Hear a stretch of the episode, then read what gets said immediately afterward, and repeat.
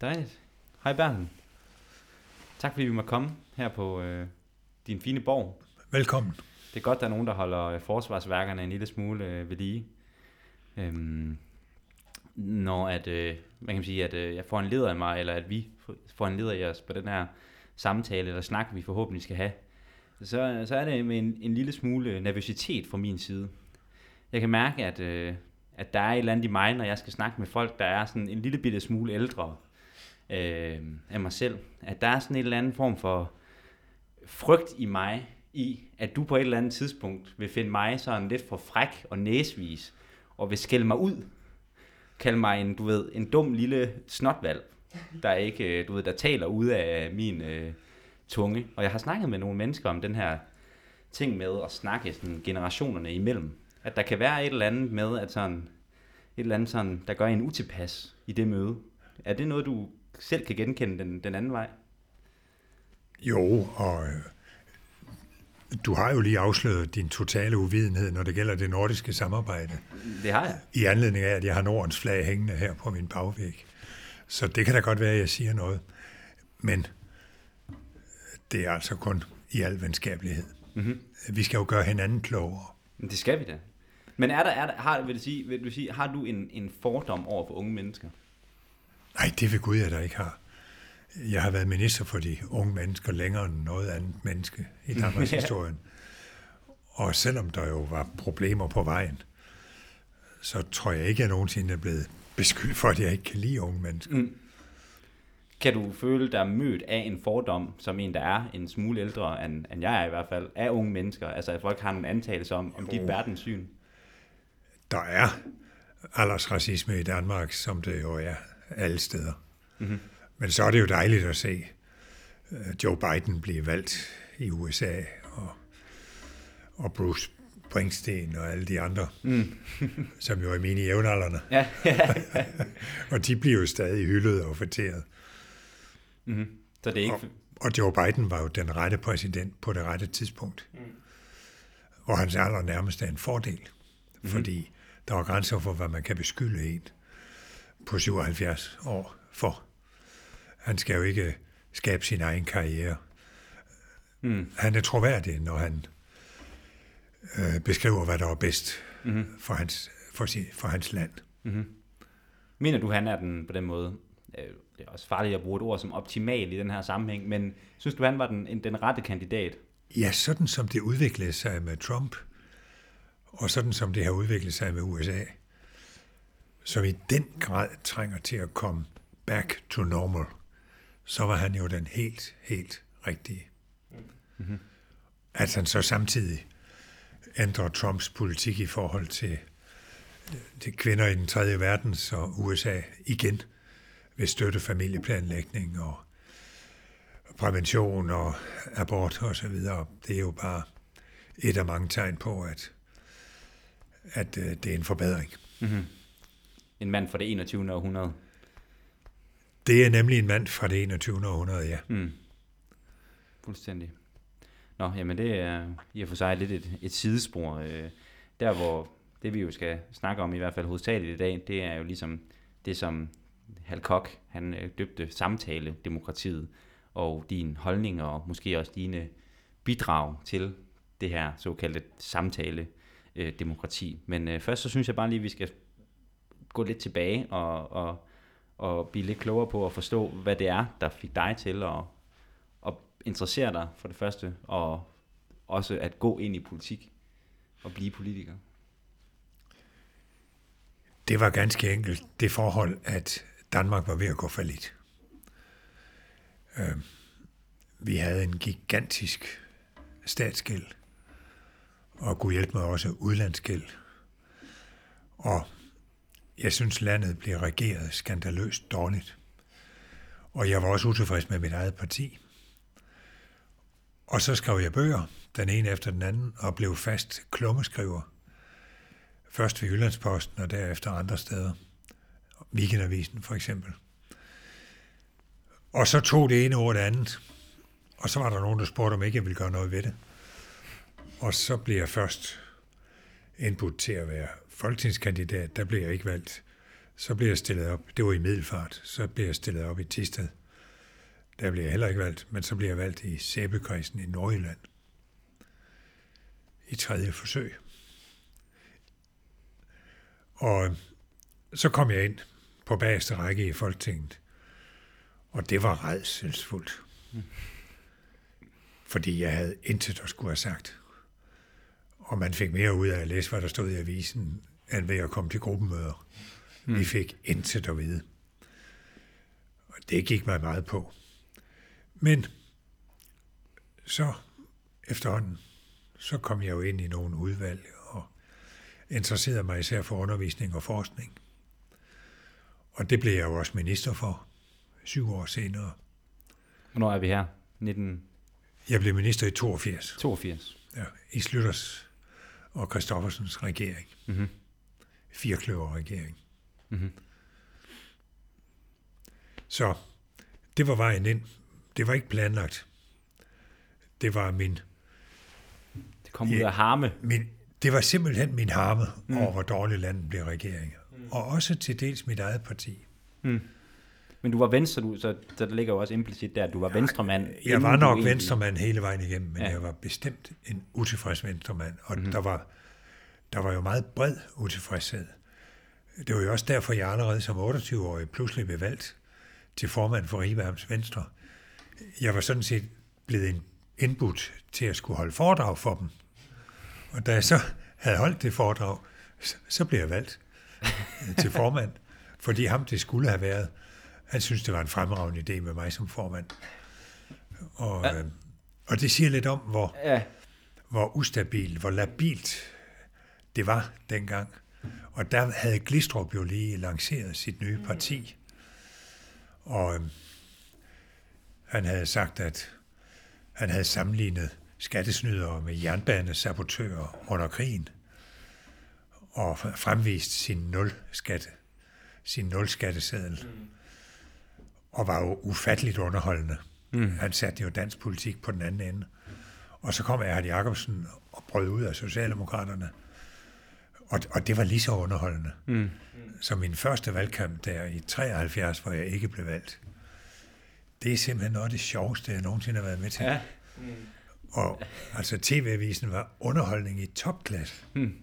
fordi Erhard og Glistrup mm. var så utrolig folkelige. Mm. Men det var jo noget skrækkeligt noget, meget af det, de sagde. og så kom der jo det ud af det, at Venstre var det parti, der gik mindst tilbage. Mm. Og så mente Erhard Jacobsen, at så skulle Venstre danne regering, og det gjorde Venstre så med 22 mandater. Og det blev en meget smal regering med 12 ministre. Og da der så blev valgt 14 måneder efter, så vandt Venstres statsminister Poul Hartling en kæmpemæssig valgsejr. Mm. Og gik op fra 22 til 42 mandater. Og jeg var en af de 20, der kom til. Øh, men ved det følgende valg i 77, der tabte han dem alle sammen. Og vi var kun to, der blev hængende. Ja. Altså, der var kun to af de nye, som ja. blev hængende. Så det var min stormfulde start i politik. Men har det ikke wow. været fuld... Altså, jeg forestiller mig, at man kommer ind og har lyst til at redde et parti, der måske er i krise, og så bliver man sat i den yderste del af Folketinget, og har måske ikke så meget øh, indflydelse. Det kan man roligt sige, at jeg ikke havde. Var det ikke utroligt frustrerende? Det var utroligt frustrerende, og især det der med, at øh, den... Altså, jeg blev dummere og dummere, mm. fordi før jeg blev valgt, der underviste jeg jo mm. på Aalborg Seminarium, og fulgte utrolig godt med. Øh, og, og også, øh, jeg læste folketingsforhandlinger, og de kom i sådan nogle små grønne hæfter. Jeg var afsindig velorienteret. Og jo længere jeg sad der i januar, februar 75, jo, jo mere uvidende blev jeg. Vi mm. fik intet at vide. Øh, nu var det også fordi, der var regeringsforhandlinger, og der måtte jo ikke slippe noget ud. Så vi fik simpelthen intet at vide om de regeringsforhandlinger. Og da jeg hørte, at Hartling skulle afgive statsministerposten, fordi han ikke ville sidde i samme stue, stue som Glistrup, så protesterede jeg vildt i gruppen. og sagde, at det fører til 10 års ørkenvandring. Og det fik jeg jo næsten ret i. Mm. Han føl, føl, hvad, hvad, Altså det der med, at der er nogle partier, man ikke vil tale med, det er jo Ja. det, vi ser i Sverige. Mm. Ikke? mm, Tåbeligt. mm, Man skal i stedet give dem ansvar.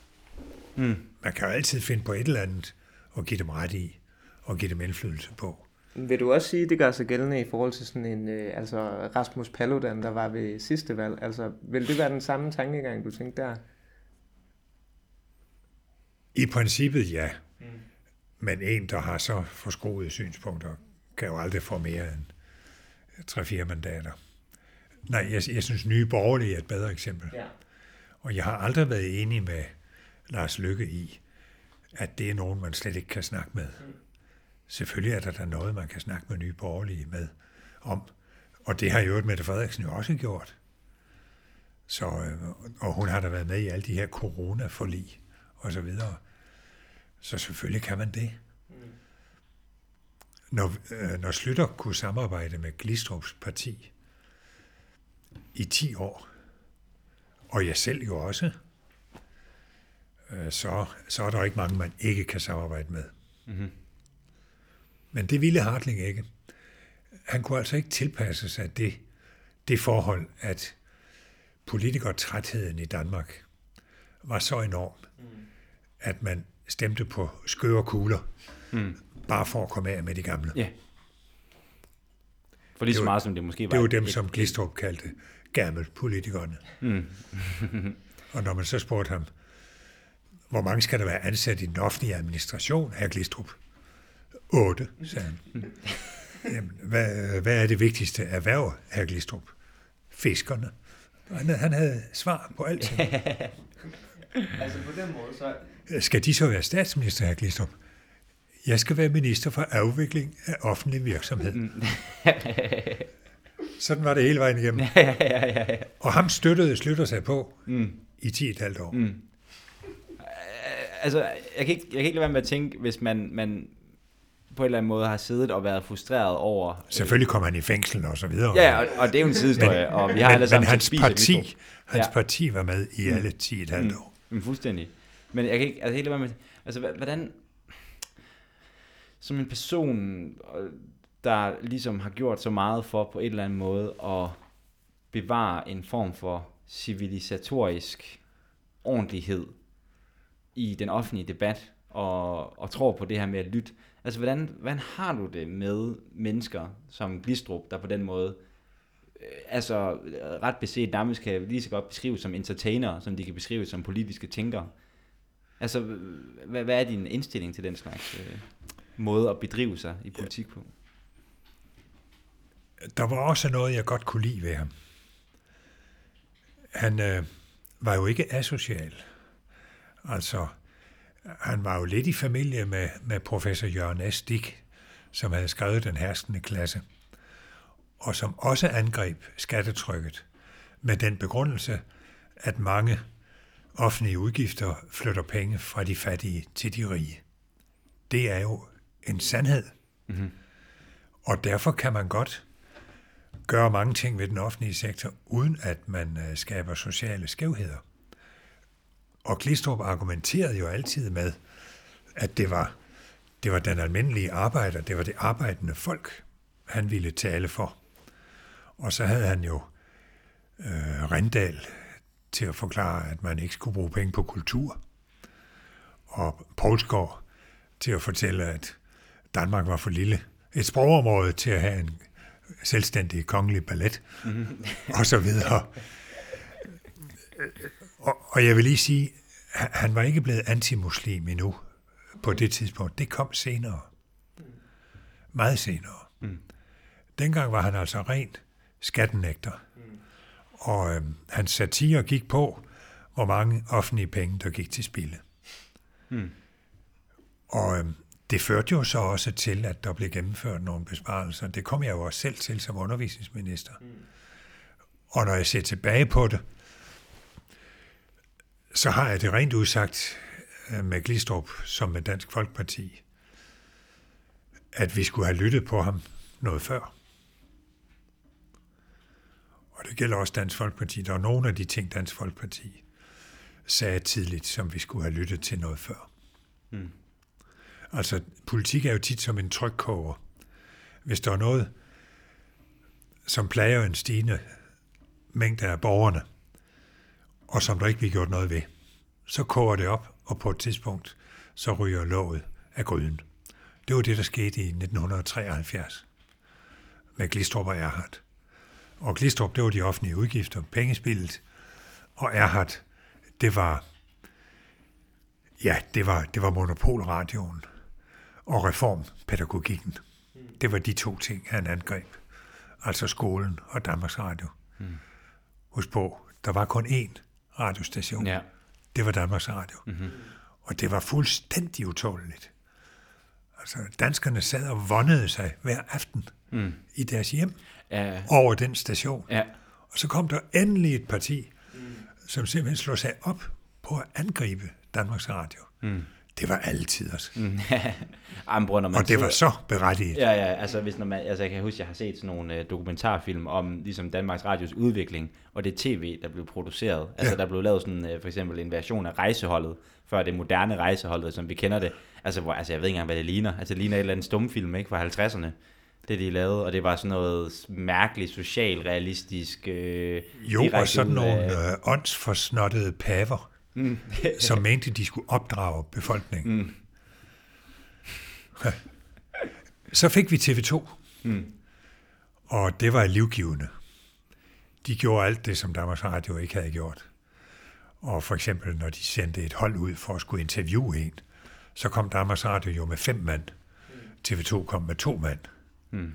Og sådan var det hele vejen igennem. Ja, ja, ja, ja. Og jeg sad i radiorådet, og øh, jeg piskede jo radioen for. Men det var jo fagforeningerne, der bestemte i radioen, som alle andre steder. Så det var svært at gøre noget som helst. Jeg synes, det lyder lidt på Og sådan er det vist stadigvæk. Jeg synes, det lyder lidt på dig som om, at, en, øh, at noget, du lægger særlig vægt på i forhold til sådan demokratiet og så videre, det er det her med, eller som folketingsmedlem måske, at kunne samarbejde på tværs af partier. Lige præcis. Føler du, at det er en ting, der er blevet øh, lettere eller sværere? Fordi jeg føler, jeg har fået lidt en vibe fra nogle Marianne Hjelved interviews i hvert fald, om at der i hvert fald ikke er det samme kammeratlige bånd øh, herinde på øh, borgen, som der måske var i gamle dage. Det er jeg måske ikke helt enig i. Vi er jo nødt til at være eksperter i at samarbejde, når vi har 10 partier. Og det lærte jeg jo allerede dengang, jeg var minister. Første gang, hvor der skulle i lange perioder seks partier for at skabe flertal. Så lærer man altså at lytte. Så lærer man at finde kompromiser. Og jeg ved ikke, hvor dårligt det var. Selvfølgelig ville det da være nemmere, hvis der kun var de fire gamle partier. Men øh, det er jo også vigtigt, at borgerne bliver repræsenteret. Og jeg synes jo, det de gør i Sverige med at fryse Sverigedemokraterne ud, det synes jeg er tåbeligt. Og det er også udemokratisk. Men det skyldes selvfølgelig, at Sverigedemokraterne, de har nogle aner, altså nogle historiske rødder, til nogle grimme nazister. Og det har vi jo heldigvis ikke set i Danmark. Og det hænger jo sammen med, at, at der i Sverige jo under krigen var stor sympati for Finland, der kæmpede mod bolsjevikkerne. Og hvem hjalp dem mod bolsjevikkerne? Det gjorde nazisterne. Så, sådan er der så meget, som man lige skal huske, når man ser nutiden. Der er ofte historiske forklaringer. Ja. Mm. Fuldstændig. Et tema, som, som, som jeg synes, kan man sige, måske rammer øh, selve kernen af det, øh, jeg virkelig gerne vil, vil snakke med dig om, det er, er, er, er statsministerens åbningstale af Folketinget. For nogle år siden, der blev der lavet en undersøgelse, hvor man havde kigget på statsministerens åbningstale fra 1970 og så frem til i dag. Du tænker på Lix. Jeg tænker på Lix, Ja, hvor man har fundet ud af, at det Lix-tal, det er nogenlunde faldet til sådan et 5. klasses niveau. ja. Synes du, den offentlige samtale i dag er blevet for dum? Nu skal du tænke på, at jeg er altså højskolemand, Mm. og jeg er tilhænger af, at når man holder taler, at så kan folk forstå det. Mm-hmm. Og jeg har den overbevisning, at selvom ting er indviklede, så kan de godt forklares ordentligt. Men de fleste embedsmænd evner det ikke. Øh, Det er jo ikke for sjov, at jeg havde kurser med embedsmændene om, hvordan man skriver. Ikke bare taler, men også breve. Altså det her ganske enkelt med at sætte mange punktummer, at bringe budskabet i starten, så man kan regne ud, hvad det følgende egentlig viser hen til, og ikke have gentagelser. Korte sætninger, ingen gentagelser. Begynd med det, det handler om. Så er man nået langt. Mm. Så øh, øh, Mette Frederiksen får altså ikke bebrejdelser fra mig. Men selvfølgelig, hvis man skraber bunden øh, med hensyn til primitive appeller og øh, øh, dumme, øh, altså man må ikke appellere til stodderen i folk. Mm. Man må ikke appellere til, til øh, fordomme og så videre. Mm. Men det er altså ikke det samme, som at man ikke må tale enkelt og klart. Nej. Og, og, og det er jeg for så vidt også med på. Øh, jeg synes, det er spændende. Jeg vil gerne, det, jeg vil gerne gribe fat i det, du siger med, med stodderen i folk. Hvad, hvad, for nogle, hvad for nogle stoddere, tror du, der, går, der ligger inde i os? Tror du, der er forskellige stoddere i forskellige mennesker? Jamen altså, man behøver da bare at tænke på udlændingedebatten, hvor det er helt indlysende, at der er mange forståelige grunde af stor modvilje mod dele af indvandrerbefolkningen i Danmark, nemlig dem, der isolerer sig og, og går med tørklæde og ikke arbejder og så videre. Og så er det jo taknemmeligt at formulere sig på en måde, så, så at de bliver udstillet. Mm-hmm. Jeg tænkte her på i går, hvor nyheden var, at øh, 23 procent af alle covid-smittede kommer fra indvandrermiljøer, øh, på trods af, at de kun udgør 10 procent, tror jeg, af befolkningen. Og, og det er jo igen egnet. Og sådan noget skal frem, efter min mening. Men det gør jo også, når man så hører, hvor mange procent af dem, der sidder i fængsel, og hvor mange procent af dem, der skal have specialundervisning i skolen. Og, altså man kan jo hurtigt komme frem til, at det koster svimlende beløb. Mm.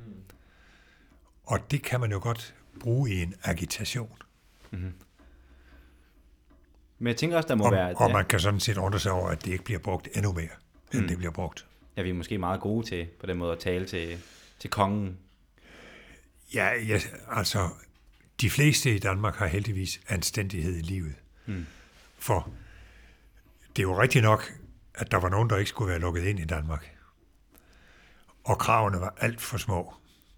Især indtil vi fik ændret udlændingelovgivningen i 2002, da jeg blev integrationsminister. Øh, men det skal vi jo ikke lade gå ud over dem, der er kommet til Danmark. Mm.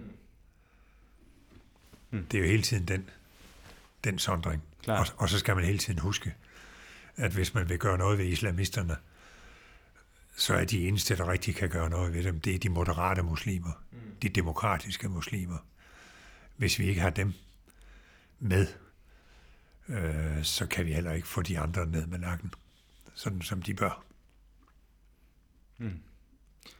Et andet eksempel på en stodder, som jeg måske synes, vi er, snakker for lidt om i, øh, i debatten, det er, er ligesom den stodder, vi har mod dem, der er succesfulde og rige. I vores Janteloven. samfund. Det, det er jo et eller andet sted janteloven. Det er Ja. ja. sjovt, hvordan at det er på en eller anden måde en ting, som vi nærmest er lidt stolte af at være sådan lidt stodderiske omkring. Men altså, når jeg hører, at, at Bo Nielsen har tjent en milliard, eller hvor meget det er på net, mm. Så bliver jeg nøjagtigt lige så forarvet som alle andre. Mm. Det strider mod simpelthen, det strider simpelthen mod min moral. Det strider mod alt, hvad jeg tror på. Jeg synes, det er skandaløst. Mm-hmm. Og når jeg ser på, hvad, hvad man i visse pengekredse øh, bevilger hinanden, og øh, direktørlønninger og så videre, det er jo pengegriseri af værste art. Og jeg, jeg siger altid til mine partifælder og til de liberale og borgerlige, det er os, der skal have skovlen under det der pengegriseri. Fordi ellers så får venstrefløjen jo magten. Mm-hmm. Det har de så også fået. men, øh, men altså, det svækker jo os, hvis man ser os som et led i sådan et over-Danmark, der græmser med penge. Mm. Det var en konservativ professor, L.V. Birk, som skrev en lille bog, som hed Pengegrise. Og det handlede om dem, der sidder øh, ved mahoni-møblerne i direktionslokalerne og bevilger mere, flere penge til sig selv. Mm. Og dem er der altså mange af i vores dage. Mm. Og så begrunder de det med, at vi skal leve op til den internationale konkurrence. Det er det rene glade vrøvl. Men er det det? Altså er det helt det? Altså jeg, jeg tænker, jeg, jeg, jeg, jeg kan i hvert fald tænke, at det er rigtigt. Du kan godt sige, at der findes mange af dem, men på den måde findes der også mange, for eksempel kriminelle indvandrere, ikke?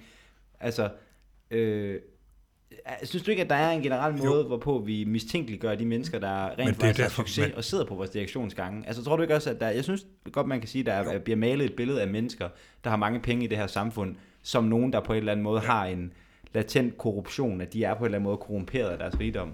Hmm. Men man skal jo fjerne årsagen til de forestillinger.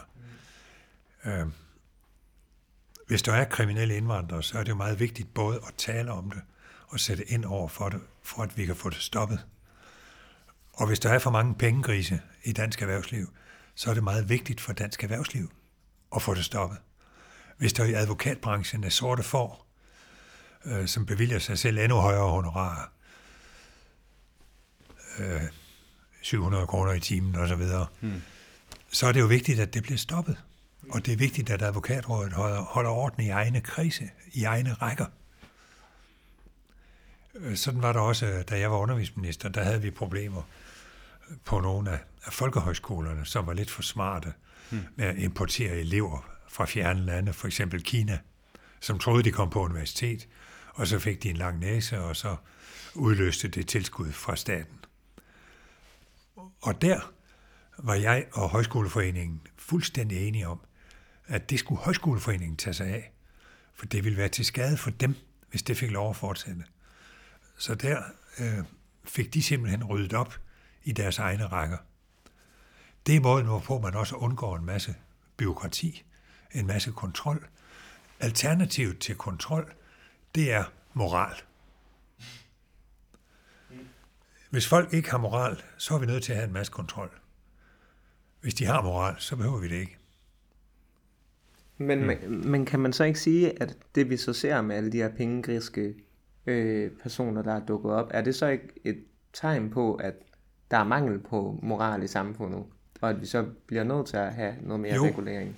Jo, men for mig, der var det et kæmpe vendepunkt, da, da Mærsk-ejeren Anne Ugla i forbindelse med Danske Bank, som hun vist nok var formand for, slog fast, at Danske Bank skal bygge på ordentlighed og tillid.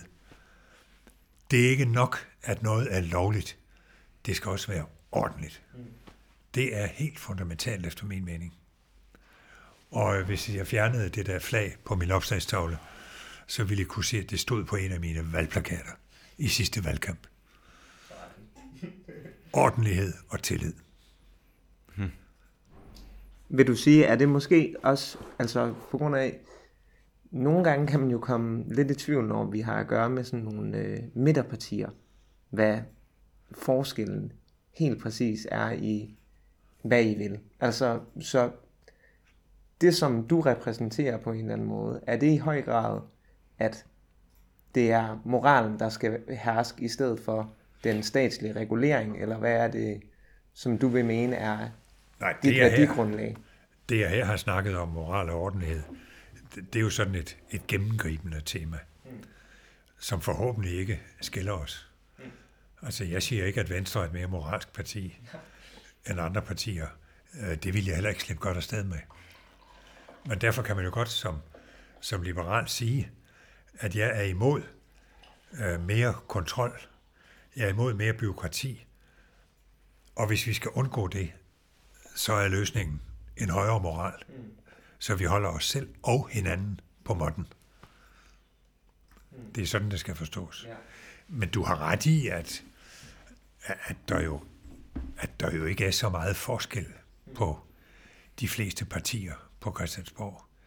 Det er jo også derfor, at 80 procent af al lovgivning vedtages med meget brede flertal.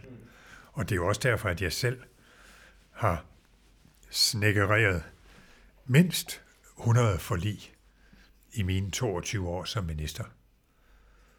Mindst 100.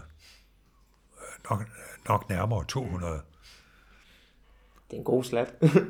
Ja, ja. Det er mange forlig ja det, efter enhver målestok, jeg Ja, det- kan bruge. det er vist 20 om året, ikke? Ja. Altså 200. Er du sådan the guy? Nej. Er du sådan en fyr, man ringer til, hvis man vil skal have et forlig på plads? Er du fixeren? Ja, det er jeg nok blevet bedre og bedre til. Ja. Altså, hvis jeg selv skal sige det, så er jeg en ret god problemknuser. Mm. Og derfor har jeg også øh, rigtig gode mindelser om et samarbejde med Marianne Hjelved og med Christina Antorini og mange, mange andre. Også øh, Carsten Hansen, da han var uddannelsesordfører for Socialdemokraterne. Sandheden er jo, at vi endte med at kunne lide hinanden. Uh, Det er jo det må du sagen. altså ikke sige. Det er jo sagen. Det er altså offentligt, det her, det er du godt med på. Det er rigtigt. Ja. Okay. Jo, fordi ens partifælder sidder man jo så tit op og ned af, ikke? Og, mm. og dem snakker man når der er et eller andet i vejen. Øh, Hvorimod dem fra de andre partier, det er sådan set meget forfriskende Mm. At være sammen med dem. Det er dem, ja, det er dem, det er børnene inde på rød stue, ikke? Som man nogle gange kan lige få lov at lege med. Ja. Ja, det er ikke dem, man skal sidde og spise frokost med. Nej. Og, nej, nej, nej, nej, nej. Men når der så er valg, Ja. så kan de ellers få nogen på frakken, ja. Det fordi så kommer deres sande jeg jo frem ja. i de skrækkelige valgprogrammer, de har, mm. og, og de ting, de siger om os andre. Jeg ved ikke, du, du slår mig som et meget, hvad kan man sige på den måde, sådan, hvis jeg fangede dig, hvis vi bare kom hjem til, hvad hedder det, aftensmad ved dig her til aften, eller vi havde mødt dig på strået, eller et eller andet. Jeg tror, mit indtryk er ligesom, at, at, at du, du vil sgu altid være den samme. Det er ikke som om, at der er et eller andet politiker-mode, du slår til. Du skulle bare bære den, ikke? Er det ikke lidt nogle gange sådan lidt at se nogle mennesker, måske man har på den måde sådan, snakket med bag lukkede døre, man har lavet et eller andet forlig, og så ser man dem gå op på et eller andet tale, og så bliver de lige pludselig til ja, men- en helt anden. Men det er jo på en eller anden måde mit varemærke. Altså, mm. jeg så jo Stakkels Nyrup, hvordan han forstillede sig, hver gang han skulle i medierne, og lagde hovedet på skrå, og så, fordi han skulle hele tiden tænke på, nu må jeg ikke genere dem, og jeg må ikke genere dem. Og det, det synes jeg i virkeligheden var synd for ham. Øh, jeg kunne på, på mange måder godt lide ham, og var rigtig gode venner med hans kone altså Lone Dybkær, vi sad sammen i Europaparlamentet. Altså, jeg kan godt lide politikere, som, som er sig selv, som er autentiske. Fordi dem kan man regne med. Og det er jo også dem, hvis de siger nej til et eller andet, så er det jo nok ikke af taktik, så er det fordi, de har et stort problem med det. Og så må man jo, så må man jo finde en løsning. Altså, jeg vil sige, og jeg, jeg ved ikke, om det er mig, der forhelliger de gode gamle dage, eller hvad det er, men i mit hoved, der var politikere i, jeg ved ikke, om det er måske før nullerne eller sådan noget, der, var i, der er i hvert fald en stor generation, Lone Dybkær, Mimi Jakobsen, der selv, øh, der, var- der var en, en hel masse af de her øh, mennesker, som jeg følte var utrolig ægte relativt til mange af de ja. politikere i dag. Og jeg ved ikke, om, om det skyldes mediebilledet, eller har du en, ja, en tanke omkring det? Det skyldes jo nok, øh, hvis der er noget om det, du siger, så skyldes det jo, at, at partierne i dag designer deres politik meget mere professionelt, mm. end de gjorde tidligere. De benytter sig jo af rådgivere, der, der kan det der med fokusgrupper. Hvad, hvad mener nu det der segment i befolkningen, og hvad mener de? Og hvad er det, der gør, at for mange kvinder ikke stemmer på Venstre? og så- Altså man kan jo man kan undersøge det hele. Mm. Og, og så bliver det hele lidt udspekuleret. Mm. Og så er det jo ikke blevet bedre af, at der er så mange spindoktorer, som giver gode råd. Og nu øh, håber de sig jo op i statsministeriet. Men øh, det gælder jo også i de politiske partier. Og så er det bare, jeg spørger lidt, som du lige har gjort. Jamen, i Poul Slytters tid, øh, der var der ikke én spindoktor. Og partierne havde råd til en partisekretær og nogle få ekstra. Altså, kommunikationen stod vi selv for, mm. og jeg tog altid selv min telefon. Så er der nogen, der siger, jamen det hele er også blevet meget mere indviklet. Og så er det, jeg spørger, var det ikke lige så indviklet, da Danmark, da Danmark var ved at gå for lidt? Ja. Og vi trådte til der i 82, mm. med underskud på alting, og problemer med EU og oliekriser. Det var saftsus, men der er indviklet. Mm. Så det mener jeg faktisk, at det er rene vrøvl, at ting skulle være blevet mere indviklet. Det er politikerne, partierne, regeringerne, som, øh, som opruster og opruster og opruster. Det er sådan en kaprustning. Mm. Og en af grundene er jo, at organisationer gør det jo også. Mm. Der, der er jo ikke en der er jo ikke en, en købstadskommune med respekt for sig selv, som ikke også har en lobbyist i Bryssel. Mm. Altså lobbyismen er jo stærk i vækst. Og det er lidt svært at gøre noget ved. Ja. Jeg har en tyrkertro på, at, øh, at autenticiteten, oprindeligheden, vil slå igennem. Altså, alt det der udspekulerede, det tror jeg gang på gang vil komme til at vige for det autentiske. For en, der siger nogle ting, fordi han eller hun mener det, og tør tage nogen skrald for det, og tør gøre det også, selvom nogle meningsmålinger viser, at det er upopulært. Det vil være velsignet for folkestyret. Mm-hmm. Tror du også, at det er deri, hvor I man kan finde årsagen til det faldende ligestal? Det faldende ligestal er jo udtryk for, at man gør mere ud af kommunikationen. Altså kommunikationsafdelingen får talen i længere tid, og så bliver den skåret ned. Og måske er det også, fordi statsministeren selv bruger mere tid på sin tale. Og det synes jeg, hun i givet fald skal roses for. Ja. Men, men det, der var problemet med Mette Frederiksens seneste tale, var, at den sagde jo næsten ingenting om den politik, hun ville føre. Men den havde nogle holdninger. Øh, og det kan man så diskutere. Skal en åbningstale være en, en politisk valgtale om holdninger? Eller skal den fortælle mere nøgternt, hvad og hvordan og hvorfor mm-hmm. vi vil gøre det og det og det. Mm-hmm. Altså, jeg kan, på den ene side kan jeg godt se din pointe i det her med, at, at ting bør skulle kunne forklares på en enkel måde.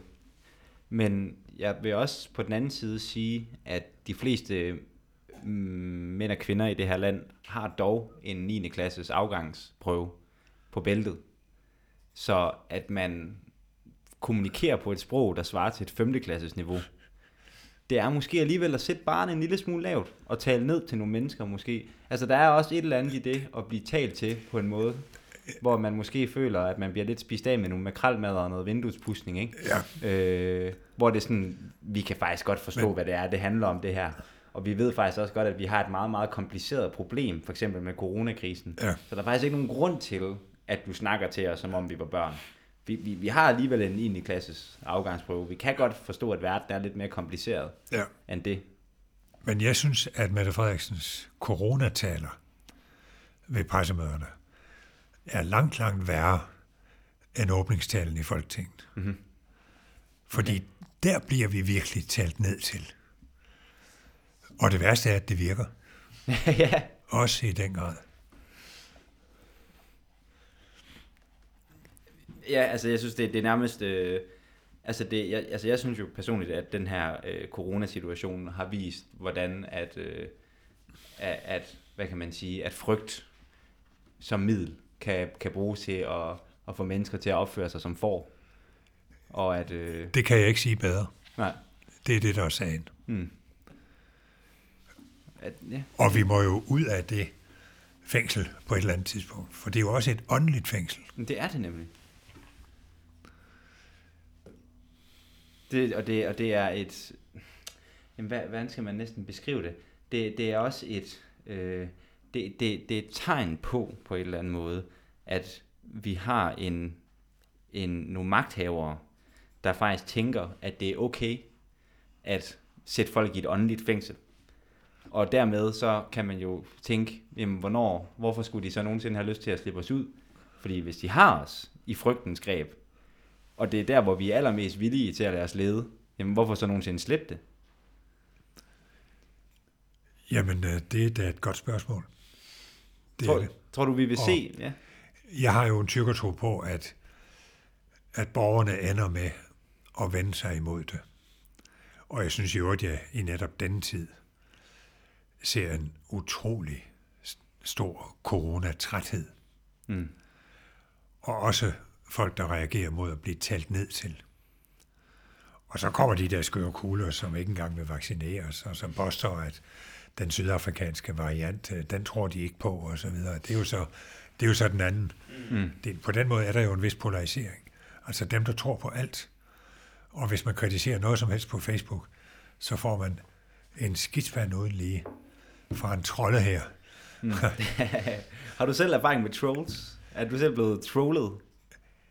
Ja, altså, og det er jo også kommet frem. Jeg ved ikke, om I så, at den stakkels borgmester i Middelfart, han blev svinet til, jeg tror, det var på Facebook, mm-hmm. af en trolde her, som troede, han var venstremand. Og da de opdagede, at han var socialdemokrat, så slettede de det hele.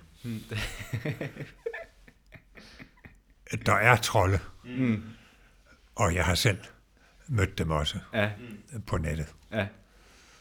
Det kan man vel næsten ikke. Jeg ved ikke, hvor systematisk det kører, mm. men, men det skulle ikke undre mig, om der er nogle tæskehold, Mm-hmm. som altså sørger for at gå ind på både Jacob Ellemanns og Mette Frederiksens og andres Facebook-sider, og øh, hvis der er nogen som helst antydning af et eller andet ufordelagtigt om, om den anden, så kan de ellers få det glatte lag. Mm. Og der bliver man netop, altså, hvis der er noget som helst, man vil have, vil have åbnet her i denne lukkede coronatid, så får man at, at vide, øh, hvor mange menneskeliv vil du have på samvittigheden. Mm. Og der er sågar en, der har skrevet, øh, hvis min mormor dør på grund af din åbning, så vil jeg holde dig personligt ansvarligt for det. Altså det svarer jo til at, at, at, at, at brejde Aarhus Kommune for, at ens øh, person er død, ens mor er død i et trafikuheld, ikke? Fordi at der var noget med lysregulering. Jo, fordi, der ikke var, fordi det ikke var forbudt at køre bil i Ja, Aarhus. ja, ja. ja, ja. Hva- Hvordan, øh, hvordan, hvordan får du dig selv til det her med de sociale mediers øh, stadig stigende indflydelse på den offentlige debat? Det er jo både godt og skidt. Altså det gode ved det er jo, at man kan komme i kontakt med rigtig mange mennesker. Og jeg bruger det også selv samtidig til at afprøve nogle ting. Altså at se, hvad er reaktionerne på det og det og det. Og jeg har da indimellem også lært noget af de reaktioner. Men den anden side af sagen er jo, at det selvfølgelig går for mig, som for mange andre, at man ender med at sidde i et ekorum, mm. hvor man i hovedsagelig kommunikerer med dem, man i forvejen er enige med. Og det er jo det, Donald Trump og hans tilhængere gør med de der 70 millioner amerikanere, som er enige i alt, hvad Trump og Fox News og andre på den fløj siger. Mens de andre øh, jo tæller løgne. Mm. Hvor mange løgne er det, Trump er kommet op på? Øh, 10.000? Ja, eller? Det er helt vildt. Han er god til det. Vi havde en uh, Og snak. det kan jo trives i ekorum. Og der må vi da virkelig håbe, at, at vi ikke bare bevarer, men også forstærker vores, vores øh, public service, altså at der er nogle rum, hvor påstande bliver imødegået, hvis de er falske. Hmm. Det er jo en glimrende bro, kan man sige. Du, du på den måde har lagt for os her til at, at komme over på en af de emner, jeg rigtig gerne vil snakke med dig om jo i dag. Det er og det er jo folkemødet på Bornholm, som man måske kunne kalde en af de nyere faktisk rum, vi har fået i dansk debat eller i det offentlige rum, hvor vi kan lufte og snakke om, om uenigheder og enigheder og problemer og løsninger. Vil du ikke bare prøve at fortælle mig lidt sådan, hvad kan man sige, historien bag folkemødet, hvordan det blev til, og hvad det var for et projekt, øh, hvad, altså, hvad din involvering i det var? Jeg var til den såkaldte Almedals uge på Gotland, som startede i 1968. Og det er jo blevet en stærk tradition i svensk politik. Og på vejen hjem, så blev jeg spurgt af en journalist, hvad jeg synes om det. Og så sagde jeg, jeg synes, vi skal have noget lignende på Bornholm. Må jeg citere dig for det? Ja, sagde jeg. Må jeg ringe til Bornholms borgmester og spørge? Ja, sagde jeg. Næste dag var det forsiden på Berlingske Tidene. Folkemøde på Bornholm. Øhm, og sådan blev det. Jeg var indrigsminister og havde en halv million, jeg kunne give til formålet. Og så var det sat i gang. Og jeg kan huske den første sommer, altså, eller rettere sagt, den næste sommer, den følgende sommer, hvor der stadig var en katamaran, der sejlede fra Simrishamn til Allinge. Da jeg sejlede ind der og så alle de hvide telte, så tænkte jeg, hvad er det? Hvad er det dog, jeg har været med til? Gud, hvad er det, jeg... Hvad nu, hvis det bliver en kæmpe fiasko, og det hele drukner i regn, og, og der kommer ingen, og vi bliver latterliggjort, fordi vi bliver kaldt en fætter kusinefest, hvor, hvor der er alle mulige mennesker, men ingen folk. Men sådan gik det jo ikke. Det voksede og voksede, og, og nu er det altså op på 100.000 besøgende. Mm. Og så kan det altså ikke være lobbyister alle sammen. Nej, Så mange, der er, så mange der er, er der ikke i Danmark. Nej, nej, nej. Og der må også være nogle almindelige mennesker. Mm. Men Det, og det er der, altså, og jeg er en af de såkaldt almindelige mennesker, der på den måde har, en, altså, har det som en drøm på en eller anden måde, altså på samme måde, som man gerne vil på Roskilde Festival, og komme til det folkemøde der. Og mit forslag var jo, at det skulle være en blanding af en sommerhøjskole, en, en Roskilde Festival og et politiker dyrskue, hvor man kunne se girafferne. og det er lige præcis det, det er blevet. Mm. Og det mener jeg er styrken. Mm. Fuldstændig. Fuldstændig. Vil du på den måde, at alle de ting, du ligesom har øh, ja, fået igennem, kan man sige, vil du sige, er det en af de største bedrifter, du har fået, øh, ja, fået Som, du har som, opnået? som så meget andet, så var det jo noget, jeg snublede ind i. Ja. Men altså, jeg var meget klar i spyttet, da jeg snakkede med journalisten. Mm. Og jeg var jo indrigsminister. Og kunne jo støtte det. Men det var mig, der udnævnte Bornholm. Ja. Mm. Og den greb Bornholms borgmester. Og så fik jeg jo en, en gade opkaldt efter mig Er på? Bornholm. Hvad hedder gaden? Den hed Battle Hordersvej. Battle Hordersvej. Ned gennem folkemødeterrænet. Så ved man, at man har klaret det godt. Ja, Ej, hvad? Og det er endda inden du er død. Det er og altså det- godt klaret. og det på trods af, at vejnavnet udvalget fraråder, at nulevende personer mm, ja. bliver opkaldt. Man skal helst være død først. Ja, det, jamen, det er jo det. Det er det. Men jeg tror sgu ikke, der, er, altså, der sker nogle shady ting på Bornholm, men jeg ved ikke, om øh, du skal frygte sådan graffiti eller vandalisering af dit... Men i øvrigt var det jo et vendepunkt for Bornholm. Det er jo det. Fordi indtil folkemødet, så gik alting den gale vej på Bornholm. Og siden folkemødet, så er alting jo gået opad. Mm.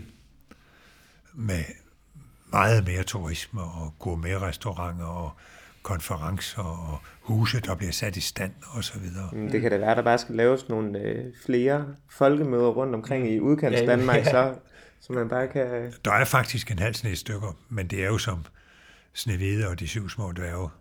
Der er altså kun én Snevide, og, og den er på Bornholm. Men det er sådan, jeg, jeg, når du siger det her med, at det kom på Berlinske øh, forside dagen efter, jeg ved ikke, om det siger mest om, hvor god en nyhed, og på en eller anden måde, hvordan det bare måske fangede et eller andet øh, tørst i befolkningen. Om det siger mest om, hvor god en historie det var, eller om det siger noget om, hvor lidt der sker i Danmark, mm. siden det kunne blive en forside i Berlinske. Jamen, det var gurketid, Mm, god men jeg, men jeg synes også, at sådan som det gik, må man sige, at det ramte jo en streng Det har ramt et eller andet. Jo. i samtiden. Mm, Ikke? fuldstændig. Hvad, hvad tror du, hvad, hvad, hvad er det for en streng? Det er den streng, som ikke bliver rørt nok, fordi vores partier er blevet så svage. Og måske også fordi vores øh, politik er blevet så professionaliseret. Så kan man da heldigvis komme til folkemøde mm. og få den, den øh, den uindpakkede vare. Den mm-hmm. ægte vare. Mm-hmm. Var det din oplevelse af partimøderne? Og som politikere, så føler vi jo også, at når vi kommer til folkemødet, så kan vi tillade os noget mere. Vi kan gå på slap line. Vi kan både give modstandere ret, og vi kan sige noget, der ikke passer med vores egen partibog. Det må man nemlig gerne på et folkemøde. Det skaber ikke overskrifter. Fordi journalisterne på en eller anden måde er med i den der særlige stemning, der er omkring folkemødet. Og det er sådan set, øh, det beundrer jeg den journalistiske verden for også, for hvordan de store medier jo leger sig øh, på Bornholm. Allinge er jo Danmarks hovedstad i tre dage, og, og det synes jeg, de gør enormt godt. Så, øh, hvor de netop ikke ødelægger det, for man mm. kunne godt tænke sig, at de, ja, kom, ja, de kommer ja, ja. og ødelægger det. Her er der sensationer at hente, ja. her er der, ja. Men de ødelægger det ikke. Mm. Og det synes jeg virkelig tjener dem til ære. Mm. Fuldstændig, fuldstændig. Ja. Jeg ved ikke om, øh, om, om, om på den måde, om, om, om, om vi så, altså også, øh, altså fordi, man kan sige, mit, mit, mit dække altså jeg har jo skrevet til dig og spurgt, om du ville snakke med os under dække af, at vi skulle snakke om, om Hal Kochs bog, hvad er demokrati? Øh, men på en eller anden måde, så synes jeg jo også, at vi har formået at på en eller anden måde snakke om essensen af Hal Koch, ja. øh, uden at, at nævne ham ved navn. Ja. Men, men alligevel så synes jeg måske bare også for at give manden, kan man sige, øh, måske den, den øh, erkendelse, han fortjener, eller måske ikke fortjener ifølge dig, at vi måske bare lige skal have, måske sådan afslutningsvis flettet nogle ord på, på Hal Koch, og jo. om du måske mener, at nogle af de her ting, vi har snakket om, kan på den måde øh, tributeres øh, til ham. Han skrev i 1945 den lille debatbog, Hvad er demokrati? Om en kommunalbestyrelse, hvor der er et flertal og et mindretal, og flertallet øh, de bestemmer, og mindretallet de kan ævle og bævle så meget de vil, det har ingen betydning. Og så siger han, det er ikke demokrati, fordi demokrati er samtale. Og det er der jo en god pointe i, og det er jo også den måde, vi driver demokrati på i Danmark, både i kommunalbestyrelser og langt det meste af tiden, også på Christiansborg. Når jeg alligevel øh, har skrevet et, et afsnit i bogen til, øh, jeg tror det var en, en bog, som Krogerup Højskole udgav, for det var jo den højskole, han grundlagde. Mm.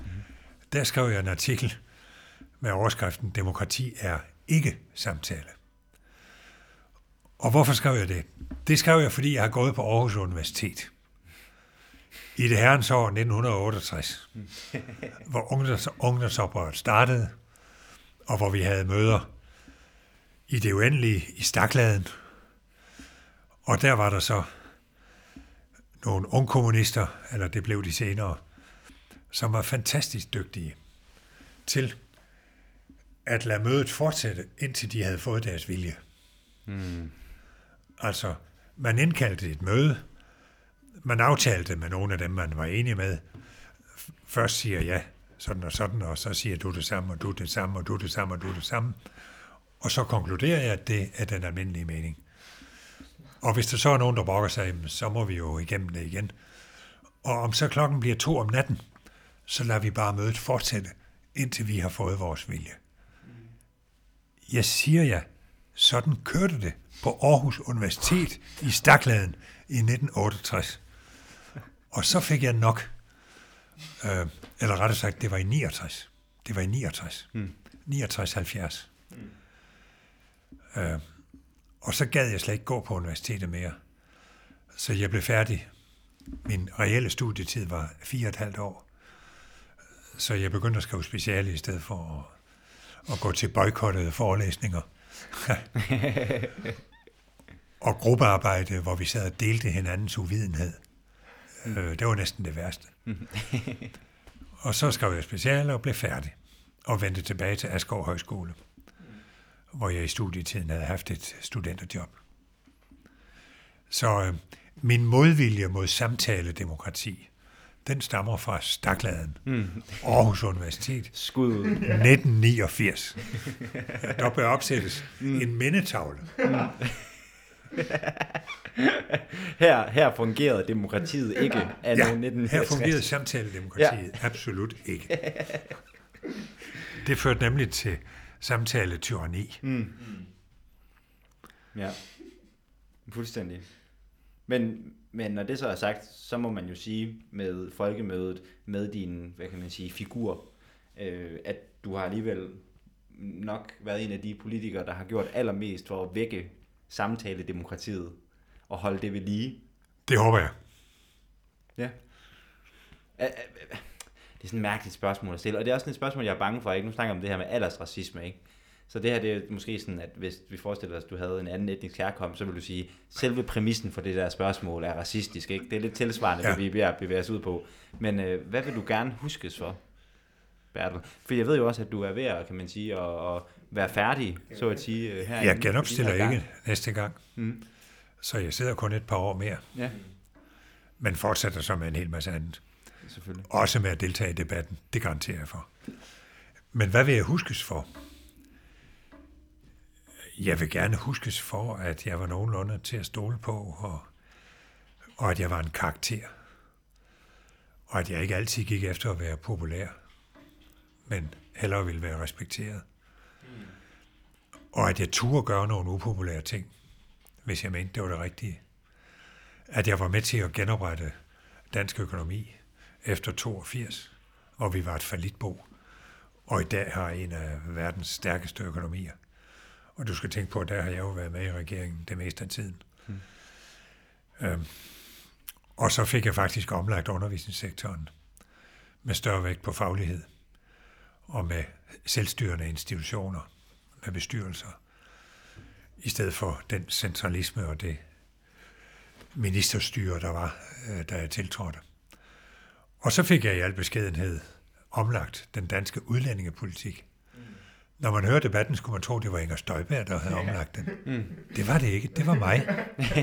Og det er alt det, jeg lavede, mm. øh, som er blevet stående. Mm. Og som har gjort, at øh, antallet af indvandrere er halvt så stort, som det ville have været, hvis ikke det var sket. Det var jo især familiesammenføringsreglerne, som var gået helt græsat, og det såkaldte de facto flygtningebegreb. Og det var faktisk mig, der som Danmarks første integrationsminister fik sat en, ikke en prop, men fik sat en rimelighed ind i den trafik. Så der er egentlig nok at tænke på. Ja, det må, det må man godt, godt nok sige. Og ved jeg, jeg er helt vild med, jeg er helt vild med sådan, øh, med den måde, at det, at det, sådan, det virker til, at det er bare sådan, at du helt spontant bare lige husker én ting mere. Og så, lige, nå, så var der sgu også de der gang, jeg lige, du ved, og så var der sgu også de gang, jeg var på månen, ikke? Altså, det var sgu også meget fedt. altså, det, det, altså det, er, det vidner jo om et, et, et langt, øh, en lang karriere. Men jeg er glad for, at du nævnte folkemødet, fordi nogle varige aftryk, det er jo altså dels folkemødet, mm. og de andre folkemøder, det, afløst, det affødte, mm. men også Sorømøderne, som jo startede, da jeg havde ministerbolig i Sorø. Den bliver nedlagt nu, men der har indtil nu været en ministerbolig i Sorø, som man kan bruge, hvis man er undervisningsminister. Og der holdt jeg dagligstuemøder, der endte med at blive til store Sorø-møder med 120 deltagere, og det er fortsat lige siden som et meget vigtigt dialogforum. Lidt som folkemødet, men altså et folkemøde for uddannelsesfolk. Og jeg gjorde det samme, da jeg blev kulturminister, og det hedder så og Rødingmøderne, for det foregår på Røding Højskole, og det er også fortsat. Og min sanden om ikke uddannelsesministeren også har sine Sorø-møder, de foregår på Koldingfjord Hotel. Så, så på den måde, så fik jeg som højskolemand sat et vist højskolepræg på dansk politik. Og måske er det det, jeg især skal betegnes fordi jeg var nok i virkeligheden mere højskolemand og oplysningsmand end politiker, mm. hvis jeg selv skal sige det. Mm. Men politiker alligevel. Altså, på jo, jo. Altså, men, men, men med det jeg perspektiv, ikke? Kan det det? Det er en sjov, sjov måde at tænke det på. Mm. Men måske er det også, fordi jeg aldrig rigtig stræbte mod den øverste top, mm. at jeg kunne holde så længe. Mm. Jeg behøvede ikke være medlem af nogen klikker. Jeg behøver ikke lave tæskehold. Har du aldrig haft lyst til at gå efter statsministerposten eller formanden for Venstre? Eller... Jeg har stillet op til, jeg har engang stillet op til, til næstformandsposten i Venstre. Og havde jeg fået den, så var jeg blevet kronprins. Men jeg så jo, hvordan Anders Fogh blev pint og plaget som næstformand. Altså alle de generalforsamlinger, han skulle rundt til, alt det snak, han skulle høre på, det er jeg ikke sikker på, at jeg havde holdt ud. Så måske var det godt, det gik, som det gik. Til gengæld ville jeg gerne have været formand for Folketinget, og jeg ville også gerne have været EU-kommissær. Mm. Og ham der, Michael Christiansen, fra Mogensen og Christiansen, mm. han sagde i forgårs, at jeg var, jeg var den bedste EU-kommissær, Danmark aldrig fik. det blev jeg faktisk meget glad for. Fordi midt imellem min ministerperiode havde jeg jo syv år i Europaparlamentet. Og derefter blev jeg jo ikke bare integrationsminister, men også europaminister. Og det var jeg fantastisk glad for. Det var... Der var jeg faktisk meget skuffet over, at jeg ikke blev kommissær. Men det var jo fordi, jeg ikke ville gennemgå en kønsskifteoperation. det sagde jeg ved pressemødet. det gjorde det. Der gik, For et, su- der gik et sus igennem, igennem presse, pressekorpset. Det var også lidt synd for Marianne fischer Men hun, hun vidste lige så godt som jeg og alle andre, at det var mig, der skulle have været kommissær. Og hun vidste lige så godt som mig og alle andre, at hendes køn var en afgørende faktor. Fordi den stakkels Barroso, kommissionsformanden, han kunne ikke få sin kommission godkendt i Europaparlamentet, mm. hvis ikke mere end en tredjedel var kvinder. Og da Anders Fogh så tøvede og tøvede og tøvede og tøvede, så endte Barroso med at sige, jamen, så bliver du nødt til at stille med en kvinde. Og hvorfor tøvede han? Jeg tror, han tøvede, fordi han var lumsk glad for, at jeg var integrationsminister, for det var nemlig gået ret godt. Hmm. Og det ville han gerne have, at jeg skulle fortsætte med. Hmm. Men så var det, jeg sagde til ham, det må du bare ikke regne med, for jeg vil ikke fortsætte som integrationsminister. Og så blev jeg undervisningsminister og kirkeminister ved førstkommende lejlighed. Men det tror jeg nok skuffede ham. Mm. For hans, jeg tror, han ville have, at jeg skulle være der til evig tid. Mm. og det gik også forbløffende godt. Bror, jeg tror også... Jeg var den næst mest populære af alle ministre Det var du virkelig. i meningsmålet. Bertel, jeg tror også, hvis, at jeg, hvis jeg skulle vælge en mand og give det måske sværeste job i Danmark, så tror jeg også, du ville være en af dem, der var højt på listen. Min højskolebaggrund hjalp mig lidt. Ja. For, for den fik mig jo til at komme til Eid-fester, altså de religiøse fester ved ramadanens slutning, og også til den pakistanske folkefest hver sommer på Rådhuspladsen og så videre. Altså, det var vigtigt for mig, at, at de, der var her, skulle se mig som deres minister. At jeg så var grim over for nogen af dem, der gerne ville komme til her, det er sådan, han sagde. Mm. Og det havde de jo ikke så meget imod. Mm. nej, nej, det er det, når det, det er jo det. De er jo også danskere på den måde. Så Det er jo de er sagen. jo også... Øh, ja, fuldstændig. Kan vi slutte med det? Ja, det Ja. synes jeg sagtens, vi kan. Måske med et Eid Mubarak. Ja, Ja, jamen uh, tusind tak, fordi du vil uh, være med, og, Bertel. og du fik en bog til arv og eje, Yes, yes, det er anden bog på den her. Det er anden bog, ja. Yes. så kan jeg låne den af hende. Når I har den i forvejen? Nej, nej, det, vi fik også en bog af, vi har lige fået Hitlers Danmarks billeder. ja, har du set den? Den der kommer her nu her. Den er lige kommet. Nej. Hitlers Danmark. En, Det er nogle sjove billeder. ja, det Men var er... det dig, der lige fortalte, at Orwell sagde... Ja, han har aldrig Prøv kunne lige at gentage, hvad det var. Jeg sagde, at Orwell, han skrev en anmeldelse af Mein Kampf, hvor han Ja. ja. skrev, at han aldrig nogensinde kunne få sig selv til ikke at lide Hitler. Det er alligevel, Ja, ja. det er alligevel stærkt. Og det skrev han i 30'erne. Det skrev han i... Øh, ja, hvornår skrev han det? Jeg tror, han skrev det i 30'erne. Ja, det er Ja. meget rigtigt. Yes.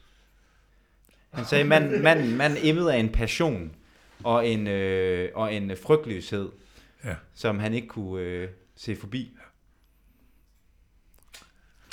Yes. Det er altså en god historie. Jeg tænkte, den kendte jeg ikke.